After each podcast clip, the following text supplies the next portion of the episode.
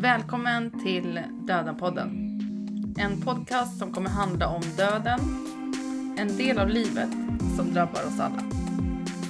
Vi kommer att träffa människor som är nära döden på olika sätt.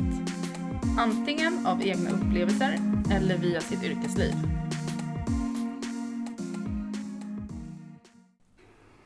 Välkommen till Döden-podden. Nu är vi ute på fältet igen Japp.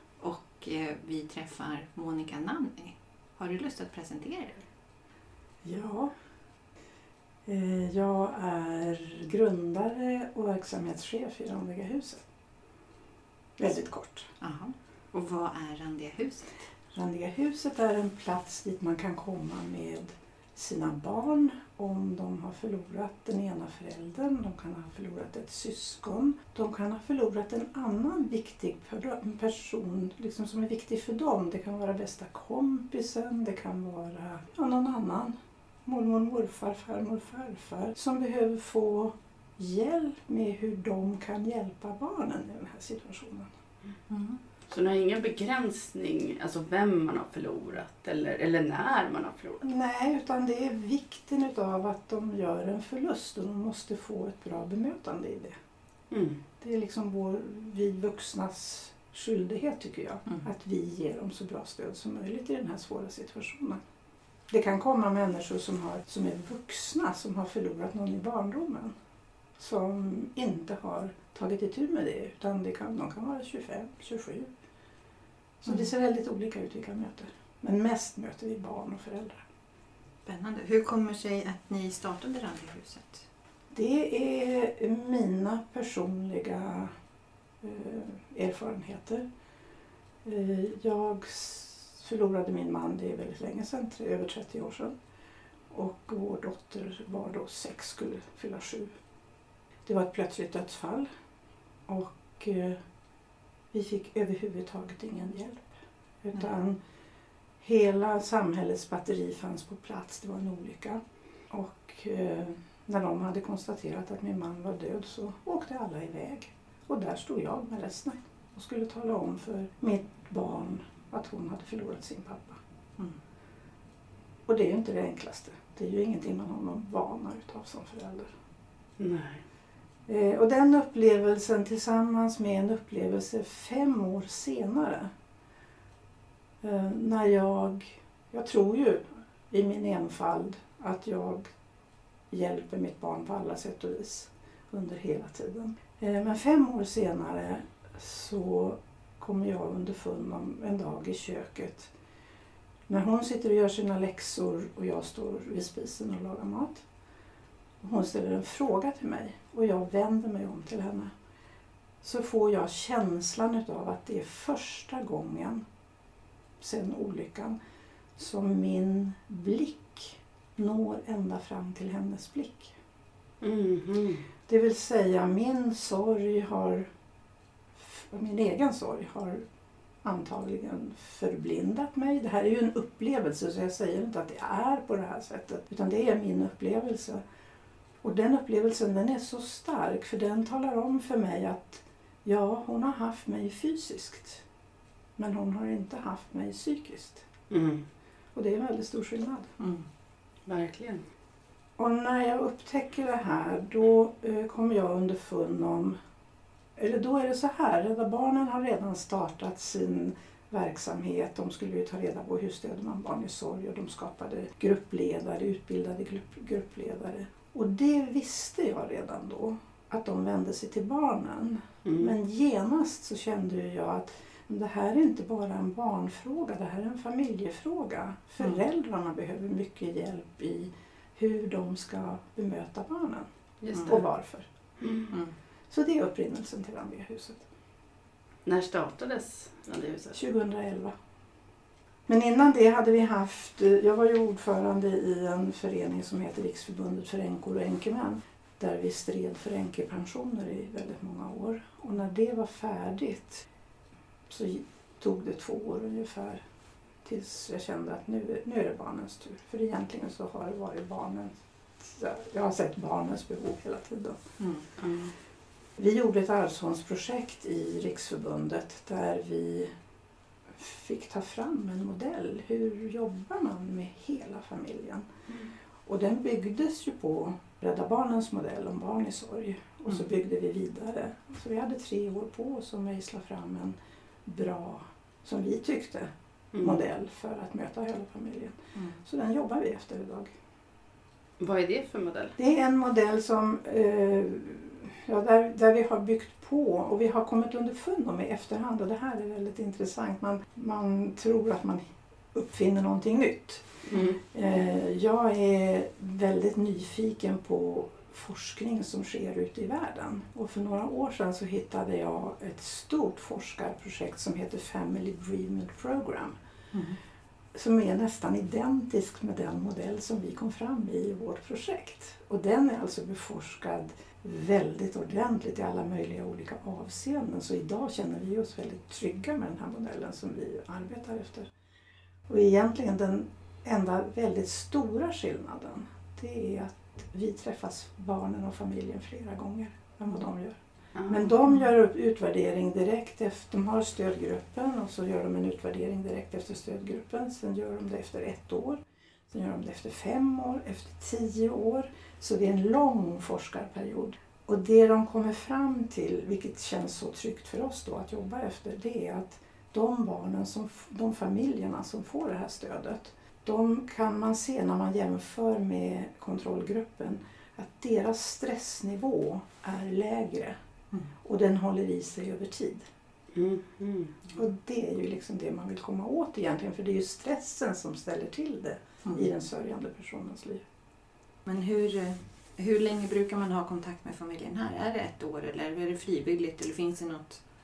Det är, vi, alltså, går man i stödgrupp så träffas man 12 gånger varannan vecka. Eh, Det kan också vara så att barnen som går i stödgrupp emellan kommer på enskilda samtal för att det finns saker som de behöver få hjälp med som de inte kan prata om eller känner att de inte kan prata om i stödgruppen. Sen finns det familjer som kommer på de kommer på några enskilda samtal i början och så börjar de gå på mötesplatsen där de får känn- känna hur det är att träffa andra i liknande situation vilket visar sig väldigt, väldigt bra för alla barn tror att det är bara de som har råkat ut för det här, de är Mm. ensamma. Mm. Och sen kan de komma en, under en period, en termin, två terminer och sen kanske sluta och så kan de komma tillbaka hux flux för att då har barnen kommit in i en ny eh, utvecklingsfas. Så att då, då behövs det lite till, lite påfyllning och lite få prata om det här igen. Mm. Mm. Så de är välkomna när helst.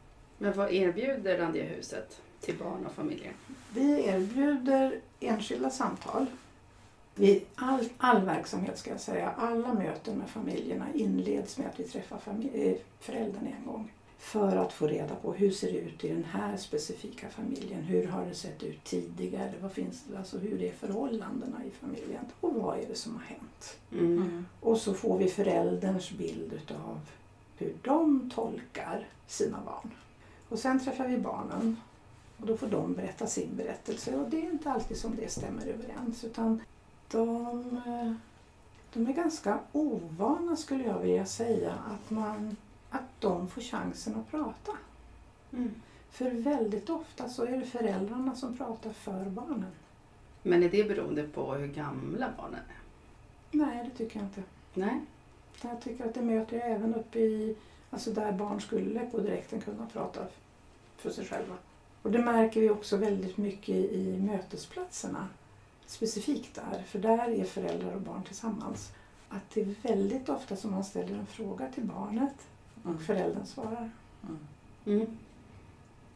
Det har man säkert gjort själv. Ja, Ja. Det är en det har jag säkert gjort själv också. Ja, men det gör nog jag också. Men jag, jag har jobbat på förskola Ja, i 15 år. ja, Föräldrar svarar väldigt ofta Ja. för sina barn. ja. Och jag vet inte, men det är väl en vanlig sak tänker jag också. Det är för att man, man kanske inte tror att barnet kan säga det man tror att de känner. Ja. Fast barn gärna kan säga vad de känner. Oh. För de känner inte alltid det man tror. Nej. Nej men precis. Mm. Nu blev den riktig. Framförallt så kanske de inte tänker det man tror. Precis. Mm. Och vi arbetar ju väldigt mycket utefter, men man kan prata om barnperspektiv och det gäller ju oss vuxna att vi ska ha barnperspektiv. Men vi vänder på steken och så säger vi kan vi få barnets perspektiv? Mm. Mm, just, Precis. Det är ju en skillnad. just. Jättestor skillnad. Mm. Mm. Men eh, då erbjuder ni samtal med familjen och med barnen. Mm. Och vad, vad erbjuder ni mer? Sen erbjuder vi mötesplatserna och de är en gång i månaden. Just nu är det ju lite speciellt eftersom vi har Corona. Vi kan inte träffas fysiskt. Nej. Så då har vi byggt upp ett, ett digitalt stöd. Vi Mm. har mötesplatser på nätet. Och sen har vi eh, stödgrupper Mm. för olika åldrar. Och där är föräldrarna med i den gruppen som har barn som är 8 till 12. Men eh, de sitter i ett eget rum. De pratar om samma tema vid det Mm. tillfället, men naturligtvis ur olika perspektiv. Barnen är jätteduktiga på att prata om det vi har bestämt att vi ska prata om den dagen. Föräldrarna håller sig kanske 10 minuter. Sen har de massor med andra saker som de behöver prata om. Ja, så kan det vara. Ja. Men då är barngrupperna mellan 8 och 12 år. De är mellan 8 och 12, mellan 13 och 16 och sen unga. Unga vuxna, eller unga, Mm. över Mm. 16 år uppåt. Mm. Men om man har barn som är 4-5? Ja, då får man komma hit med bar- barnet och man får vara med på mötesplatsen. Men en 4-5-åring har väldigt svårt att sitta i en stödgrupp. Mm. Det blir Mm. liksom, de kan inte sitta stilla, de kan inte... De kan rita och måla och göra allt det här som vi, när vi pratar om känslor. Men de har svårt att sitta i en stödgrupp. Och då försöker vi att föra in det i mötesplatsen lite grann för de barnen. Mm. Mm. Så vi väljer ofta, vi har ju teman för mötesplatsen. Och då väljer vi teman som även småbarn kan hantera. Mm. Eller de kan sätta sig vid ett eget bord med sin förälder och göra någonting som Mm. Är adekvat för dem. Mm. Och sen i Göteborg så har vi faktiskt börjat med en em, ny sak. För där har vi en pedagog, en specialpedagog som är utbildad i lekarbete. Ja. Så hon tar, eh, hon tar små barn enskilt och har lekarbete med dem. Vad fint. Mm. Med väldigt, väldigt bra resultat. Mm. Så det ska vi bygga upp här i Stockholm också. Vad spännande. Mm. Så de här stödgrupperna, du sa var det 12 gånger som man Mm. träffas. Vad, eh, vad gör man där? Där går man igenom olika teman som har med förlusten att göra. Och alla barnen får prata och liksom berätta vad de tänker kring det temat. Säg att vi pratar känslor. Ja, vad finns det för känslor? Var känner man de här känslorna? Hur Mm. sitter de i kroppen? Då får de rita dem. Det kan vara att vi sitter och pratar om, om vi har en, en cirkel, så kan de få försöka beskriva för oss hur stor i den här cirkeln tror du är din sorg och hur stor del tror du är mammas eller pappas sorg? Mm. Eller din systers sorg? Mm. Så att man ser att vi är flera som sörjer. Mhm. Vad tycker du är det mest förvånande som kommer upp? Som, som en vuxen kanske inte tänker att barn upplever eller tänker. Jag tycker nog att barn är så kloka. De kommer med så fantastiska funderingar Mm. kring det som vi håller på med. Mycket, mycket djupare, mycket, mycket genom, mera genomtänkt än vad kanske vi vuxna tror. Mm. Vi tar över lite grann. Mm. Eller tenderar att ta över. Är det något som du upplever som är extra svårt? Som, som i de här stödgrupperna till exempel? Ja, eh, inte svårt men att man måste mm, tänka till lite grann. Vi träffar ju barn som har varit med om alla olika sorters dödsfall. Det kan vara mord, det kan vara självmord, det kan vara sjukdom, det kan vara olycka, det kan vara hjärtstillestånd, alltså massor med olika. Och de samlas då kring ett bord och har alla de här olika bakgrunderna. Mm. Och då kan man ju hantera det på olika sätt. Och vi har valt att säga som så att det är inte sättet på vilket den här föräldern eller det här syskonet har dött som är det viktigaste. Utan det är sorgen som det förorsakar. Mm. Det är känslan av förlusten som det förorsakar. Mm. Och då blir det lättare att mötas. Eh, Vi får många gånger frågan beträffande självmord och mord. Mm. eh, Om de inte ska gå i en särskild grupp. Mm. Men då tycker vi att nej, vi ska inte fokusera på det utan vi ska fokusera på sorgen. Mm. Mm. För det är den de behöver hjälp med. De- Det är den de behöver verktyg till. Mm. Och skulle vi träffa dem separat, ja då kanske vi... Eh, om vi tar självmord. Det är ju så stigmatiserat fortfarande i samhället fastän det är, är väldigt mycket bättre än vad det har varit. Mm. Men då kanske vi liksom befäster det att ja, det är något speciellt med dig för du har varit med om självmord. Mm. Ja, ja. Just det. Och det tycker inte vi att vi ska hjälpa till med. Utan vi ska hjälpa till med sorgen som det förorsakar. Men jag, tänk, jag inbillar mig om du säger som mord eller självmord Mm. att det måste innebära också så stor rädsla. Alltså det är ju, är ju väldigt speciellt. Men jag skulle nog säga generellt när jag frågar barn om vad det finns för känslor så tycker jag att rädslan kommer ganska högt upp. Mm. Allra, I de allra flesta fall. De är rädda. De är rädda för fortsättningen. De är rädda för att den andra föräldern ska dö. De är Mm. rädda för hur ska det bli Mm. överhuvudtaget. För att de, de känner ju att allting står på ända. Barn är ju så, alltså, de känner ju in Mm. vad som Mm. händer. De känner ju in föräldern. De lyssnar när föräldern pratar i telefon. Öronen är elefantstora. Mm. Mm. Eh, så de vet mycket mer och funderar på väldigt mycket mer än vad vi föräldrar är medvetna om Mm. ofta. Och så är de rädda då i förhållande till det. För de får ju, ofta så får de ju inte ihop det utan man måste hjälpa dem att få ihop berättelsen så att, de, så att den blir begriplig för dem. Mm. För då blir det genast mycket lättare. Mm. För då har de, då återvinner de lite grann utav det här forna som de känner igen sig i. Det här är väldigt intressant. Det är så mycket sådana saker som man Ja. inte liksom pratar om. Ja, visst. Det här är ju en sak som man inte pratar om generellt. Nej, så är det ju. Men jag tyckte du sa ni finns i Stockholm och i Göteborg. Ja. Finns ni på fler ställen i landet? Eller Eh, det... nej, det är Stockholm och Göteborg som har kontor. Nu når vi ju flera eftersom vi är ute digitalt. Mm. Och då är det ju lättare. Just det. Mm. Så att vi tror att det kommer att eh, växa ganska ordentligt just med hjälp av datorerna. Mm. Sen får vi väldigt mycket förfrågningar utifrån landet från, från lärare, från kuratorer, från föräldrar. Så vi finns ute i landet i alla fall fastän vi inte Mm. har kontor. Jättebra. Ja, det dör ju, det dör ju föräldrar och Ja. syskon överallt. Mm. Det hade ju vi en fråga om. Hur vanligt är det här? Ja. Att barn drabbas eh, av att ett syskon eller förälder dör? En förälder, det är nio barn om dagen som förlorar en förälder I Sverige? i Sverige. Oj. Mm. Och det är nästan två barn om dagen som förlorar ett syskon. Det är jättemycket. Mm. Ja. Det är jättemycket om man då tänker hur styvmoderligt behandlat det är i Mm. samhället. Och så tittar vi på barn som lever med psykisk ohälsa eller fysisk ohälsa eller i missbrukarfamiljer. Mm. Där det finns hur mycket som helst. Mm. Ja. Och så ser vi på den här lilla gruppen som är eh, ganska utsatt.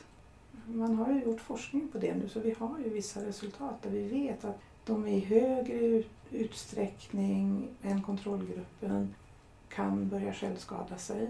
Mm. I högre utsträckning går ut med inte färdiga betyg i skolan. Mm.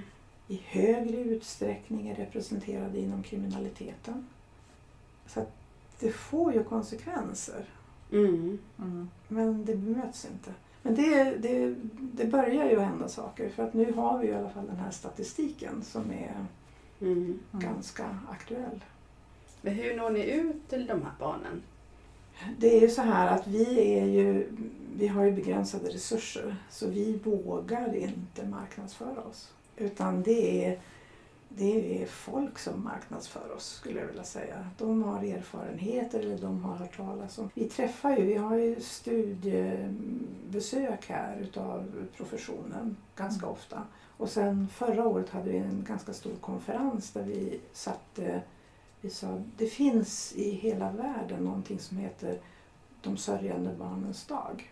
Mm. Och det tog vi till Sverige förra året och gjorde en endagskonferens utav det som 160 människor var deltagare i. Och det fick ju en väldig spridning för det var ju från väldigt många olika delar av professionen. Det var begravningsbyråer, det var läkare, det var socionomer, det var psykologer, eh, alltså sådana som möter de här barnen. Mm. Mm. Och det märker vi efter det att det, det har fått en helt annan spridning. Men det jag tänker på, de här mötesplatserna som ni har som är då lite så här öppet forum. Ja, Märker man att barn tenderar sig att dra, till, dra sig till andra barn för att prata? absolut. De sitter, de- de sitter och pratar med varandra. De kommer in här och så Mm. går de in och sätter sig vid bordet. Eller de skriver upp sitt namn på tavlan först och så skriver, går de in och sätter sig vid bordet och så får de sina uppgifter. Och då kan de ju ha ett barn bredvid sig. Då säger de, hur dog din mamma? de blir väldigt raka. Ja. Ja. på ett helt annat sätt än vi vuxna är. De, de, de är det, det känns som om det här är en plats dit de, de vet att när de kommer hit då kan de prata om det här hur mycket som helst. Mm. Det här är liksom platsen. Mm. Och sen går de ut härifrån och så kan det läggas åt sidan och så kan de vara som vanligt igen. Tills de kommer nästa gång och så får de sig en ny liten fristad där de kanske har funderat lite grann sedan de var här förra gången. Eh, Så att de har lite andra frågeställningar. Det möter man väldigt ofta. Mm. Mhm. Så Mm. de, de, det processas fastän det inte är en, ett psykologsamtal eller ett terapeutsamtal. Det är väldigt spännande. Mm. Verkligen. Mm. Hur många är på de här eh, mötesplatserna? Ja, det kan vara väldigt varierande. Ibland är det fyra, fem familjer, ibland är det 20 familjer. Okej. Så Mm. det är väldigt olika. Vi har viss, vissa dagar som vi, vi julpysslar och vi påskpysslar och det tycker de är jätteroligt. Mm. Så då, det, det väntar de nästan på. Att Mm. Snart är det påskpyssel, snart är det julpyssel. Jag tänkte komma tillbaka till det här med, med eh, det vi pratade om kring självmord och mord och, och de olika typerna av dödsfall och att vi blandar i grupperna. Mm. Eh, för det kan ju vara så att den som sitter med den erfarenheten av ett självmord eller ett mord inte vill prata i gruppen om sina erfarenheter. För det kan ju uppstå den här situationen att här sitter den som har haft en mamma eller en pappa som har kämpat med en sjukdom väldigt länge för att de skulle klara sig. Mm. Och så sitter det här barnet som har upplevt ett självmord Mm. eh, och tänker varför tyckte inte min mamma eller pappa att jag var värd att leva för? Då måste man ju ge det barnet chansen att prata om det. Och alla andra frågor som de eventuellt har där de känner att det är en skillnad. Och då bjuder vi in till ett enskilt samtal med den föräldern och det barnet. Mm. Så Mm. att de får chansen att bli adresserade och få chansen att prata om det som de tycker är svårt och ställa de frågor de har. Det är väldigt ofta som, som föräldrar, alltså vi vill ju våra barn väl. Mm. Det, vi vill ju våra barns bästa hela tiden. Och ibland så tror vi föräldrar att vi ska inte berätta om det här med självmord. Vi ska inte prata om det utan vi ska, vi, vi får säga att det var en plötslig död. Mm. Men barnen kan ju så småningom få reda på det. Mm. Och då känner ju, upplever ju barnen att det är ett väldigt stort svek. Varför fick jag inte veta? Vad är det mera ni undanhåller för någonting för mig? Så det är väldigt viktigt att möta de här barnen på, på ett öppet sätt och låta dem ställa de frågor de har och Mm. få hjälp med de funderingar de har. Men hur gör ni i de situationerna om familjen av någon anledning inte, verkligen inte vill att barnet ska veta att den här har blivit dödad eller begått självmord? Ja, vi pratar med föräldern och säger det, det är nödvändigt. Det är nödvändigt att de adresserar det. Naturligtvis i förhållande till vilken ålder barn är i. De kan ju inte bära hur mycket kunskap som helst om det utan det måste ju vara åldersadekvat det man pratar om. Mm. Mm. Eh, Men vi pratar med föräldern så att, för att övertyga föräldern om att det här måste adresseras. Mm. För barn hör ju, barn som sagt, barn har elefantöron. De hör allting. De snappar upp mycket, mycket, mycket mer än vad vi tror som föräldrar. Och särskilt när det har hänt sådana här saker så vill ju de veta. Mm. Mm. De vill förstå. Och hur ska de förstå om de inte får några pusselbitar? Ja, men precis. Mm.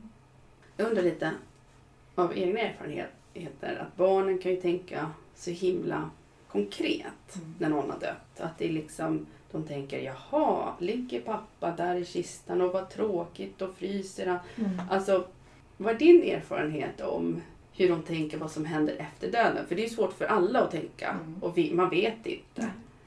Och hur man ska hjälpa dem i att nej men pappa blir inte uppeldad nu. Mm. Utan Mm. han känner inte det. Alltså hur, hur ska man som förälder ha de samtalen när de barnen kanske ser det så himla konkret? Ja, man får ju för, försöka förklara för dem hur det ser ut. Alltså, eh, hur ska pappa få mat Mm. i Mm. graven? Nej, men pappa behöver ingen mat. Så pappa får ingen mat. Pappa är död. Mm. Och så får man liksom beskriva vad är, vad är det att vara död? Jo, det är ju att man inte andas längre, att man inte har några tankar längre, att man inte rör sig längre. Mm. Att man, det är helt annorlunda än att vara en levande människa. Så Mm. får man försöka, beroende på vilken ålder de är i naturligtvis, förklara det.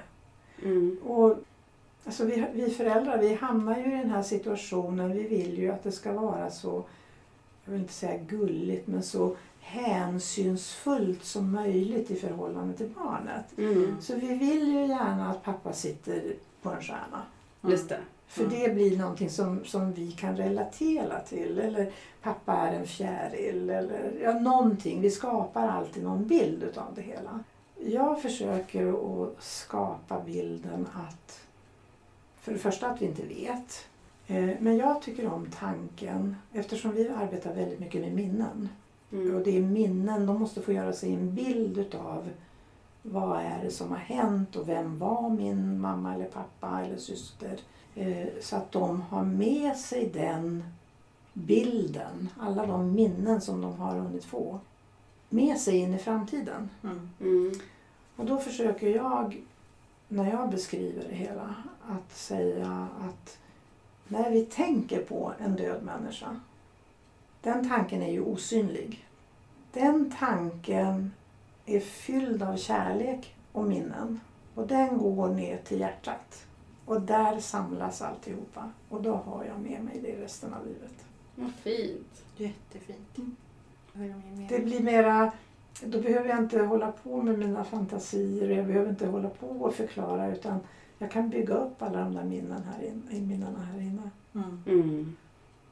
Men ibland så, alltså visst, jag vet en, en eh, organisation som hade, en utländsk organisation, de hade en stjärnkarta på sin hemsida där barnen fick gå in och, och döpa olika stjärnor och lägga namnet på Ja. den döda. Och det visar ju att ja, men vi, vi har olika behov, vi har olika syn på vad, vad är det som händer och vi vet ju inte. Ingen har kommit tillbaka och berättat. Nej. Så är det ju. Mm. Så det är ju ett filosofiskt samtal som man kan tillåta sig att ha med ett barn. Ja. Inte för små dock, för då kan de inte. Men de kan ha tankar kring det. Mm. Ja. Ganska men- kloka tankar. Men, men just de här konkreta bilderna har jag upplevt lite svårt. För att Mm. det, om, om de då har väldigt skrämmande fantasier. Mm. Och det kan ju låta väldigt hårt Mm. att man eldar upp en kropp och att man det är vissa saker som Mm. händer Mm. efter att någon dör. Jag har aldrig, eh, min man eh, kremerades inte utan vi hade en jordbegravning. Mm. Och eh, jag har aldrig stått inför det men jag har många gånger funderat över hur förklarar föräldrar kremering? Det skulle jag själv tycka var väldigt svårt. Det kan vara svårt. Ja, Mm. det är så definitivt på något sätt. Det är lättare att säga att nej men pappa behöver ingen mat nere i kistan. Men det här med askan, Ja, precis. det är det som är kvar. Hur förklarar man det? Ja, det, är det, det är en Det- utmaning, Ja, helt klart. verkligen. Och det är ju svårt för en själv, även att man är vuxen så är det ju det är så konstigt Ja, allting. Ja, ja jag, ty- jag tycker att det är tankemässigt svårt för mig eh, att föreställa mig hur skulle jag ha förklarat det för mitt barn. Mm. Det tycker jag. Ja, för vi vuxna, vi förstår ju. Även om det är märkligt att det här är det som är kvar. Men det är ju inte det, utan det är ju alla minnen som är kvar. Precis. Precis. Så jag, jag, tror ju, jag tror ju hela tiden på att man kan vända tillbaka till minnen. Att, att där kan man hitta den stora karet att ösa ur Mm. på, på alla möjliga olika sätt och vis. För det är där som, som, det är ju det vi har. Och genom att jag låter barnet prata om minnen och berätta mina egna minnen. För de har ju bara upplevt, de har ju bara upplevt en, en viss tid. Mm. Så de har ju inte upplevt exempelvis om det är en mamma som dör. Ja, då har de ju upplevt sin mamma men de vet ju ingenting om hur mamma var som när mamma var i deras ålder exempelvis. Mm. Nej, precis. Utan det får ju andra hjälpa till med att bygga på. För det var ju också mamma. Och det kommer ju den dagen när man undrar. Mm. Vem, vem är jag mest lik? Ja, precis. Är jag lik mamma eller är jag lik pappa? Och har jag då ingenting om vem mamma var, då är det ju svårt. Mm. Så där kan vi ju, vi vuxna kan ju fylla på hur mycket som helst. Så där är ju mormödrar och farmödrar och farfäder och morfäder jätteviktiga. Och syskon till den som har dött. precis. De ska man ju intervjua. Mm. Och be att de skriver ner så mycket som möjligt till de här barnen. För det är viktigt. Det, det skapar helheten så småningom. För det här är ju att, att en förälder dör eller att ett syskon dör, det har man ju med sig hela livet. Det är ju ingenting som går över utan den frågeställningen och det inre samtalet med den människan som man har förlorat, det finns ju där. Men är det så att om, eh, om man drabbas när man är, är rätt ung eller liten Mm. och så har man behov av att eh, komma hit och gå någon stödgrupp, kan man göra det då efter flera år? Ja. Det finns många barn som inte är mogna på en gång. Det finns ju många barn som inte pratar överhuvudtaget. Om man tar en syskongrupp exempelvis. Där, där är det ju är ofta en som tar ledningen Mm. och liksom är i störst behov av hjälp och stöd. Och då väntar de andra på sin tur. Jaha, det här är Pelle som behöver den här hjälpen nu. Ja, men då ska jag, då ska jag vänta på min tur. Och så pratar de inte om det utan de är som vanligt och hjälper mamma eller pappa. Och, och från Randiga huset så alltså då tänker ni också, ja, men då väntar vi Ja. tills behovet här kommer. Det är så överhuvudtaget med alltså hela, hela tanken med Randiga huset det är att nej, men, hjälp ska finnas när det behövs hjälp. Och det ska vara lätt att hitta. För att föräldern, den kvarvarande föräldern är ju också i sorg. Och så ska den samtidigt, och den ska hålla på med bouppteckning, den ska hålla på med att försöka få någon form av ny ordning på tillvaron där allting är annorlunda helt plötsligt. Och så ska den förstå sig på det här med barn i sorg och veta allt om det och hur de ska hantera alltså det. Är en mastod- och så ska de hantera sin egen sorg. Mm. Det är en mastodontuppgift som man står inför i kanske det svåraste man någonsin kommer att hantera i livet. Och så har man ingen hjälp. Nej, precis. Utan man har, en, man har en uppfattning runt omkring både från allmänheten och från skolvärlden att ja, men efter ett halvår då, har då är det väl dags att det är som vanligt igen. Vadå vanligt? Det tar ju åratal. Det blir ju aldrig som vanligt. Det blir ett Det nytt kommer ju vanligt. aldrig, ja, precis, det kommer ju aldrig bli samma Nej, igen. Den Det finns ju situationen inte. uppstår ju inte för att vi sitter ju där med våra erfarenheter. Och det är klart att det påverkar vårt fortsatta liv. Mm. Mm. Det måste det ju göra. Ja, självklart. Mm. Ja, jag håller med. Vi har en fråga, för det har jag tänkt på, och precis som du berättade om din erfarenhet, Mm. att när man, om man drabbas av att då till exempel den andra föräldern dör väldigt plötsligt och så får man det här dödsbeskedet. Mm. Det kommer ju verkligen inte någon präst eller något kristeam. Men ibland läser man ju att eh, någon har fått ett dödsbesked och varit med en präst. Alltså, ser det olika ut i landet? Har du någon... Det så olika ut överallt. Jag vet att när, alltså jag, jag är en, en människa som filosoferar existentiellt ganska mycket och är ganska duktig tycker jag själv på att sätta ord på de här sakerna. Och jag gick i många år efteråt och funderade på men hur ser det ut? Hur kommer det sig att det inte fanns någon hjälp överhuvudtaget i vår situation som var så dramatisk? Ja. När det hade gått 18 år då tog jag mod till mig och ringde upp Nackapolisen och Mm. frågade. För då hade vi varit med om Estonia, vi hade haft Backabranden, vi hade haft stora olyckor ja. där det var många involverade och många drabbades av dödsfall. Eh, Så jag tänkte det, ja, men det kanske ser annorlunda ut idag. Så jag ringde upp och frågade om det här skulle hända idag, hur ser det ut då? Och det befälet som svarade mig då, han sa att men det ser inte annorlunda ut idag jämfört med hur det såg ut när, du, när ni drabbades. Utan eh, det är möjligen om den som får ärendet på sitt bord har haft någon tidigare erfarenhet så att han eller hon har samlat ihop någon sorts klokskap eller någon sorts tanke kring det här som den var med om tidigare. Mm. Att den kan då vara lite bättre bemötande. Och sen kan man få med en jourhavande präst. Så det var svaret jag fick. Mm. Då ställde jag den frågan. Men vad gör prästen då? För vi har ju ett mångkulturellt samhälle idag. Just det. Eh, Varför tycker man att just prästen är den som ska vara med och finnas där och ta emot och liksom kliva in i familjens liv? Men det, det var det som erbjuds. För jag tyckte att jag läste någon gång, det här var några år sedan, att det fanns något kristeam, om det var i Norrköping eller Linköping. Mm. Norrköping finns det ett, ett, eh, finns någonting som heter barntraumateamet. Det är inom sjukhuset, inom Vrinnevi-sjukhuset. Och där finns det en psykolog och en terapeut anställd. Som när det händer en olycka eller ett, när det händer ett plötsligt dödsfall åker ut och finns med familjen när dödsbeskedet kommer. De hjälper till och förklarar för barnen. De finns med dem kanske hela den första dagen och liksom lugnar och talar till rätta och berättar och tar hand om att nu ska du göra si och så ska du göra så. En fantastisk verksamhet. Men det är bara i Norrköping. Ja, nu finns det, i, det inom, inom den regionen. Mm. Ja. Så det finns i Linköping och jag tror att det finns i... Jag låter det också, men jag har en svag känsla av att det finns i Motala också. Men i övriga landet, Ingenting. har du någon aning om, om varför det ser så olika ut? Att det verkar då lite slumpartat vilket typ av bemötande man får i, den mest dramatiska, traumatiska situationen i ens liv? Det är olika, olika kommuner hanterar det olika.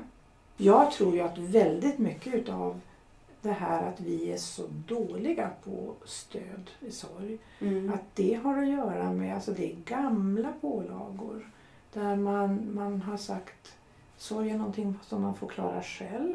Mm. Eh, sorg tar ett år. Eh, alltså det finns en massa idéer om sorg som inte har med verkligheten att göra överhuvudtaget. Och att det har tagit så lång tid för de som har förstått Ja. att förstå. För att det är så mycket som måste förklaras. Och det saknas kunskaper. Ja, gör ni någonting från Andea husets håll för att få eh, beslutsfattare, eller om det är landsting, kommuner, att, att öka den här kunskapen? Ja, det gör vi. Vi, Ja. vi dels så försöker vi eh, att prata med socialdepartementet. Dels så har vi haft ganska mycket samarbete med Socialstyrelsen och Folkhälsomyndigheten Mm. eh, för att det här ska an- behandlas annorlunda. Det kommer en ny lagstiftning, ny och ny. Kallar, man pratar fortfarande om den nya lagstiftningen. Mm. Den kom 2010.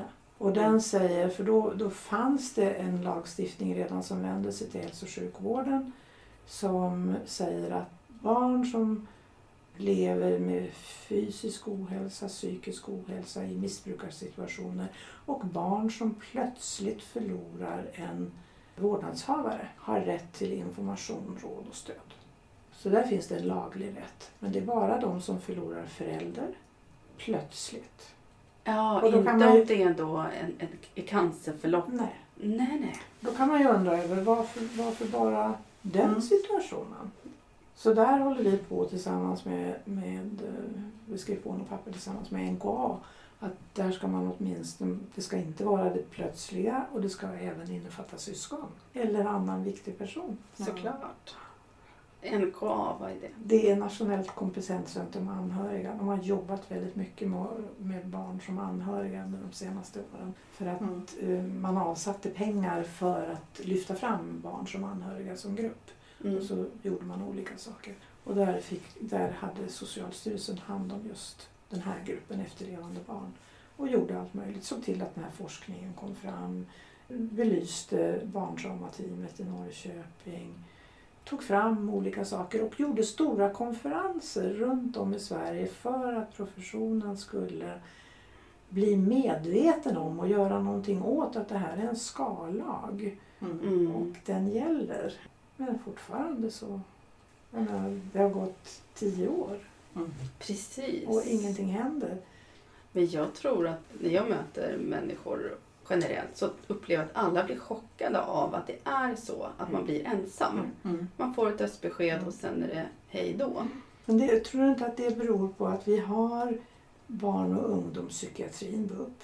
Mm. Vi har ungdomsmottagningar, vi har elevhälsa, vi har kuratorer och sjuk, skolsköterskor på skolorna. Ja. Och vi tror att alla de människorna har kunskap om sorg och förlust. Ja, dels är det ju så och dels är det ju ingen som fångar upp det. Att det Nej. liksom plingar till att nu har Pelle, tio år, förlorat sin Nej. mamma. Det är ju ingen Nej. som tar ansvar för det. Ja, det är den enskilda läraren som börjar undra "Ja, var har vi manualen och handledningen om hur man gör i den här situationen. Och så ligger den dammig på, ett, en hylla någonstans inne i lärarrummet kanske. Och Ja. så ska man damma av den och så ska man göra någonting av det. Men vi försöker ju. Vi har, vi har ju tre ben som vi jobbar med och det ena är ju stödet och det andra är utbildning. Mm. Så vi utbildar Mm. eh, just för att sprida kunskap. Vi har ju väldigt mycket, många människor från professionen som vänder sig till oss som vill ha råd och Mm. lära sig mera och Mm. som är väldigt tacksamma över det de får lära sig. För det ingår inte i lärarutbildningen, det ingår inte i socionomutbildningen. Så ni kan åka ut till, till skolor då Ja. eller till BUP? Ja. Är det... Mm. BUP skickar faktiskt människor till oss. ja, vad bra. Mm. Mm. För det är ju inte deras uppdrag. Men vi människor i samhället, vi tror ju att nu ska vi ha, nu ska vi barnet till BUP. Men hur tänker de att det inte är deras uppdrag? Det är ju barn och ungdomspsykiatri. Sorg är ju inte psykiatri. Nej. Nej, jag tänkte samma. Sorg är väl någon form av liksom Ja, det är ju, mental påfrestning. ja, det är det. En temporär, liksom, fun- temporär funktionsnedsättning Ja, skulle jag jag vilja säga liksom att det är. att hjärnan är ju fortfarande hjärnan. Ja. Liksom, oavsett Ja. vilken del som agerar.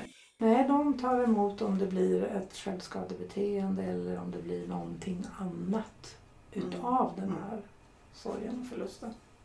Man kan tycka att det borde finnas något liksom, det borde vara obligatoriskt att ha någon liksom, Mm. sorgmottagning på BUP. Att det Mm. borde finnas en, Mm. Mm. det måste ju finnas någonstans att vända sig. Ja, Liksom. Ja, eller åtminstone det här eh, teamet då, barntraumateamet. Mm. Ja. Mm. Tycker man borde finnas överallt. Ja. Ja. Speciellt om det då är nio barn varenda dag som förlorar en förälder. Mm. Då har ju de mycket att göra. Mm. Verkligen. Visst. Ja, den så här bristen. Mm. Men har ni något samarbete med kyrkan? För kyrkan har ju också sorgegrupper för barn. Mm. Den svenska kyrkan Mm. pratar jag om. Eh, Och de ja, har ju olika samtals... eh, Man kan träffa en diakon och det finns olika. Mm. Finns det något samarbete mellan er? Nej. Nej. I, och med, I och med att vi är en ideell förening som är, är um, icke-religiös så Mm. inte det. Men vi träffar diakoner. Ja. Vi pratar, vi för dialog med diakoner när de hör av sig. Det gör vi, Mm. såklart. Ja, vad bra. Mm. De har, ju, de har ju stor erfarenhet av samtal. Det är ju så i vårt sekulariserade Sverige att många människor vill inte blanda in kyrkan. Man, är, man lever inte den världen. Eh, Vilket kanske är synd för att jag, jag tycker att diakonerna väldigt ofta har väldigt stor, alltså de har ju samtalskunskap. Mm. Mm. Och de möter ju svåra saker. Det är klart Ja. att de har erfarenhet. Ja, men precis. Ja, ja. Men det ligger så långt bort i och med att vi inte, alltså i många familjer så man döper inte barn, man har ingen relation till kyrkan. Då är inte det den naturliga vägen att gå. Nej, och det är säkert jättevanligt. Absolut. Ja. Mm. Man vill ju vända sig till någonting som man känner igen. Ja, Mm. Man söker sig ju liksom inte till främlingar för Ja. att få stöd. Liksom. Men något som man känner att det här, jag litar inte riktigt på de här. Mm. Jag tror inte på Mm. Gud, varför ska jag in där? nej, visst. Ja, och sen har vi ju ett samhälle som innehåller så många olika kulturer. Mm. Mm. Eh, Så i vårt fall är det ju så att eh, vi måste lära oss mer om de olika kulturella skillnaderna. Mm. Det är vår uppgift, Mm. så att vi kan bemöta dem. Och är det så med de familjer och barn ni träffar att, att eh, ja, ni träffar barn med olika bakgrunder och Ja. religioner? Och, mm. Det gör vi. Är det några med fler frågor vi har? Jag, ja, men jag tänker generellt, vad har du för råd? Om, du, om det är en familj där man vet att nu kommer, om man har en sjuk pappa eller en Mm. sjuk mamma. Mm. Har du något råd till familjen vart de kan vända sig eller vad de ska tänka på när någon har dött eller när någon ska dö? De kan naturligtvis vända sig till oss. Ja. vi hjälper till att hitta. Mm. Sen eh, en, en sak som jag funderar väldigt ofta på eh, som har vuxit fram i Sverige som inte ser riktigt likadant ut i andra länder. Mm. Det är att vi, vi är så expertorienterade. Mm. Så vi tror att vi behöver genast ha en psykolog eller en terapeut till våra barn. Mm. Mm. Men det behövs inte utan det behövs någon som lyssnar på barnet. Mm. Och att vi behöver kunna känna oss trygga i att jag är kapabel till att möta det här barnet. Det är Mm. inte farligt. Det är inte farligt att prata om, med det här barnet om det som har hänt. Och det är någonting som jag tycker är väldigt viktigt att förmedla. Att vi allihopa kan hjälpa till. Och vi kan göra någonting litet allihopa. Och det kan vara att vi, eh, nu ser jag att grannen som har förlorat mamma, eh, pappan verkar lite vilsen. Jag kanske ska gå in med lite köttgryta eller jag kanske ska gå in med någonting som kan hjälpa dem idag. Eller jag kanske ska erbjuda, eh, om jag själv har barn, att, att deras barn får komma över till mig en Mm. kväll. Mm. Eller till oss en kväll. Och, Mm. så att den där mamman eller pappan får vila lite grann. Mm. Det. Sådana saker. Att vi kan bli mycket bättre på var och en av oss att hjälpa till. Det tycker jag är jätteviktigt. Det är För det hade jag verkligen önskat. Nu hade jag fantastiska vänner som, som hjälpte till och jag hade min familj. Och jag hade möjlighet att härbärgera min familj så att de flyttade ut till oss Mm. Mm. allihopa. Eh, och var där länge. Men eh, jag förstår ju att så har inte allmänheten det. Utan det var ju ett privilegium. Man, träng, man tränger kanske ihop sig ett tag, några dagar.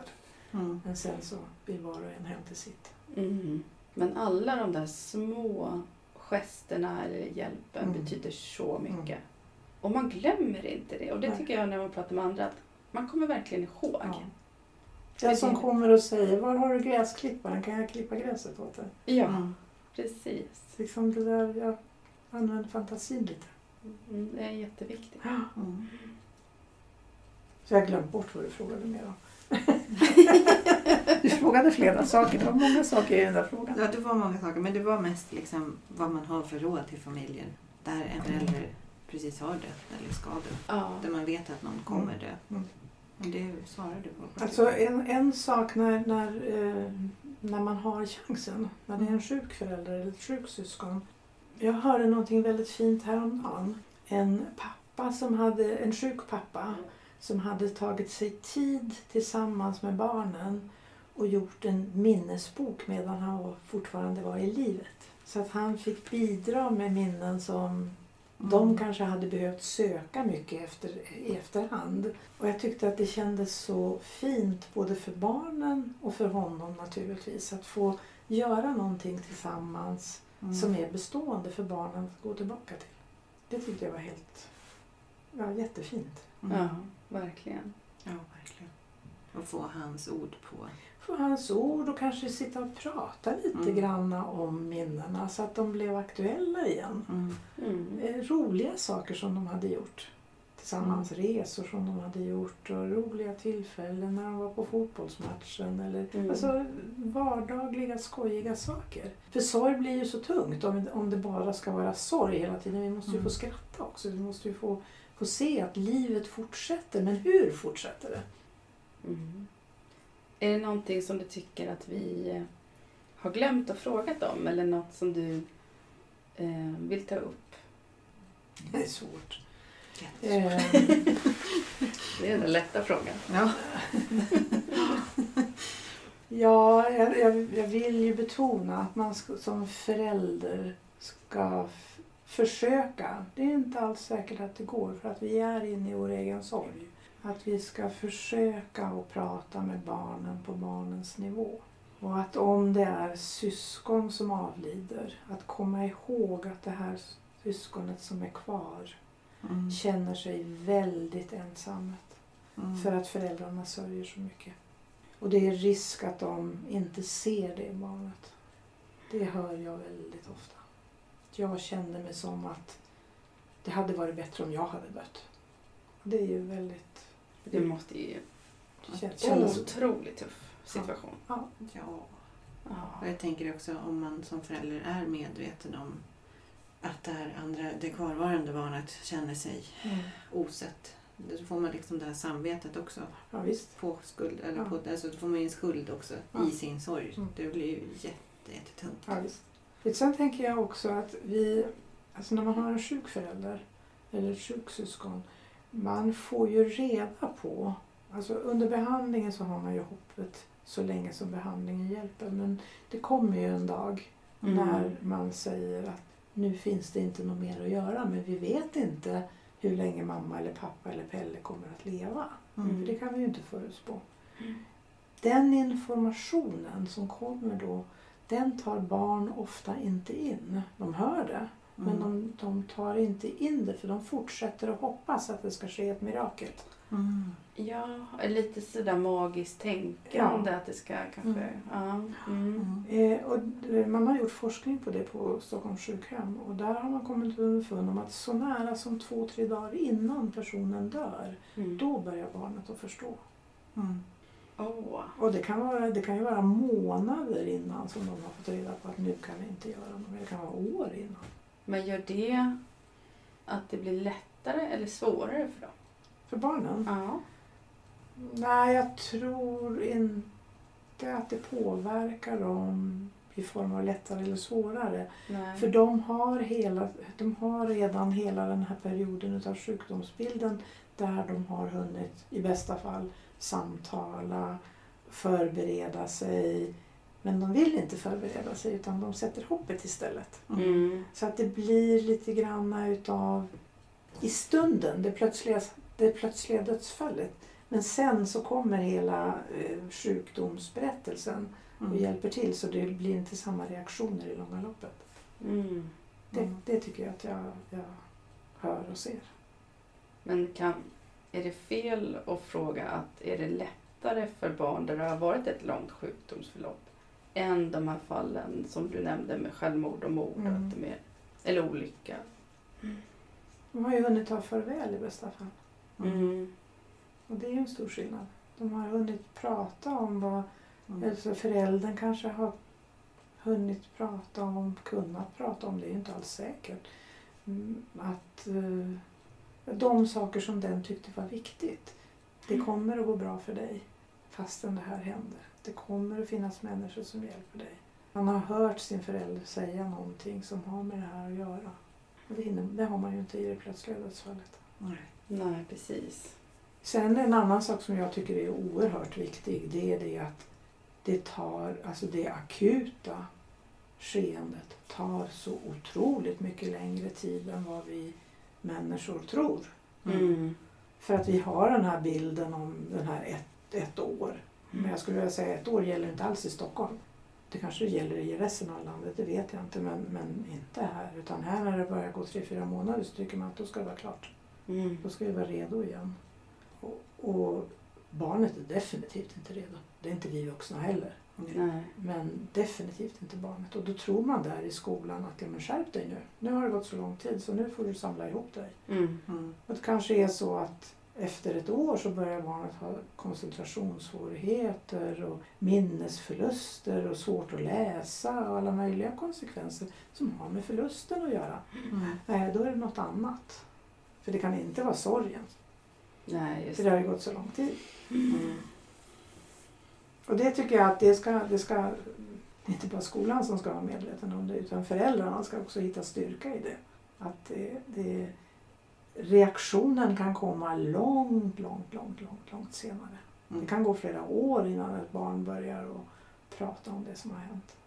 Någonting som slog mig, en, en flicka som berättade för mig vid något tillfälle som jag blev väldigt fundersam på. Hon hade förlorat sin pappa för några år sedan.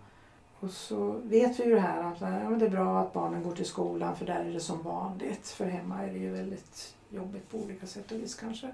Hon sa så här att nej, men jag pratar aldrig om det här i skolan för att jag är rädd att bli mobbad. Mm.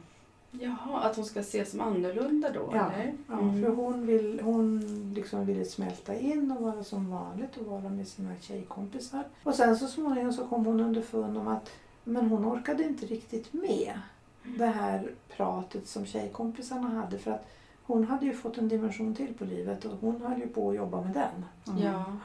Så hon kände att hon hade inte tid och då gick hon åt sidan och blev lite utanför. Mm. Och att det här, när hon beskrev det och just den här rädslan för att bli mobbad, då förstod jag att det, det här är en verklighet som de har. Mm. Mm. Att de känner sig annorlunda fast de vill vara som vanligt. Mm. Och att de tampas med det hela tiden. Ja, det är tufft. Då behöver de ju verkligen stöd och Ja, viktigt att komma visst. hit Ja. och se. De behöver prata med andra som har varit med om det och liksom Mm. få jämföra och höra någon annan säga ja men så där känner jag också. Mm. Mm. För då är det ju inte konstigt längre utan då, då vet du ju att nej, men, det här hör till att jag har förlorat min mamma eller pappa. Ja, otroligt viktig verksamhet. Det är så konstigt liksom att det, att det ska krävas en, vad ska man säga, en individuell Ja. drivkraft och Ja. liksom sprunget ur erfarenheter att det saknas så mycket stöd. Men det är ju många, många verksamheter i samhället som har startat med individuella Mm. eh, händelser. Två kvinnor som startade dagisverksamhet som Ja. sen blev en samhällsfunktion. Precis. Eh, Ja. Det finns andra saker som enskilda har startat. Mm. BRIS startade ju, det var ju två kvinnor som startade Mm. för att de såg att det fanns ett behov. Vad häftigt. Ja. Så jag tror att det, är- alltså, att det, det, det, det finns plats för olika saker som vi tycker inte fungerar i samhället. Alltså att vi som människor har ett ansvar i Mm. att, att göra någonting, att förbättra Mm. Mm. i något avseende om vi ser att vi tror att vi kan det. Och det här är ju verkligen ett sånt område, tycker jag. Ja. Ja. Det finns mycket, mycket, mycket att göra. Oh ja, det finns så mycket som helst att göra. I Danmark har man en organisation som står på liknande fötter. Som idag har 23 psykologer anställda. De har eh, ja, ett kompetenscentrum, Mm. ett kunskapscentrum. Häftigt. Jaha, vi får se vad Randiahuset är då om fem, tio år. Ja, precis. jag hoppas att vi är där. Jag. Stora randiga huset. Vad sa du? Det stora randiga huset. Ja, precis. Ja, vi drömmer ju om att vi ska få ett randigt hus. Mm. Ja, Alla barn som kommer hit säger det. Det här huset är ju inte randigt. nej. Vad heter det randiga huset? Men det heter Randiahuset för att barn sörjer Randi. Ja. Ja.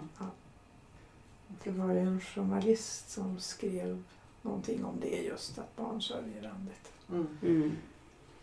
Jag tror att det var Aron Thunberg. Eh, vi hade i, i det här projektet som vi hade i Riksförbundet, där hade vi, det hette Familjesorg det projektet. Då hade vi en häst som bild som, där barnen satt på ryggen på hästen. Och sen då när vi skulle när vi satt och funderade på att det skulle bli det här randiga huset så tänkte vi att ja, den där hästen den kan väl få bli en zebra då. För det är ju randigt. Men då hörde vi talas om att nej, vi, någonstans, tror jag att det var i Uppsala, hade man någonting som man kallade, man kallade, man hade stödgrupper och man kallade dem för zebragrupper. Mm. Så då kunde vi ju inte ha det. Nej. Och då blev det det randiga huset istället. Fint. Som känns bra idag. Mm. Ja, absolut. Det känns mera omslutande. Ja. Ja, Mm. ja, precis. Man kan gå in Ja. och Mm. Ja. in i värmen. Ja. Mm. Man kan gå in i sorgen och så kan man vara där en liten stund och så kan man gå ut igen. Mm. Mm. Så vi tycker att det, det blev bra. Jättebra. Ja, men eh, tusen tack Monica. Tack Mm. själva. Tack snälla. Jättevärdefullt. Tack för Mm. att ni lyfter det, för att ni lyfter barn. Mm. Ja, Mm. det är ju så viktigt. Mm. Så vi gör vad vi kan. Ja. Precis. Lycka till i fortsättningen. Ja, tack, tack.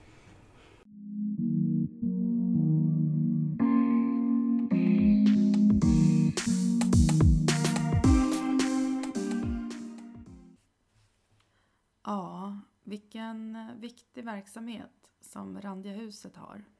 Om man är intresserad av att veta mer så är det bara att besöka deras hemsida randiahuset.se.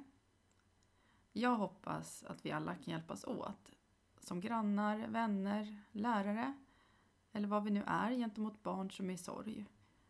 Varje liten gest betyder någonting. Tack eh, så jättemycket för att ni har lyssnat. och vi hörs igen om två veckor. Ha det gott!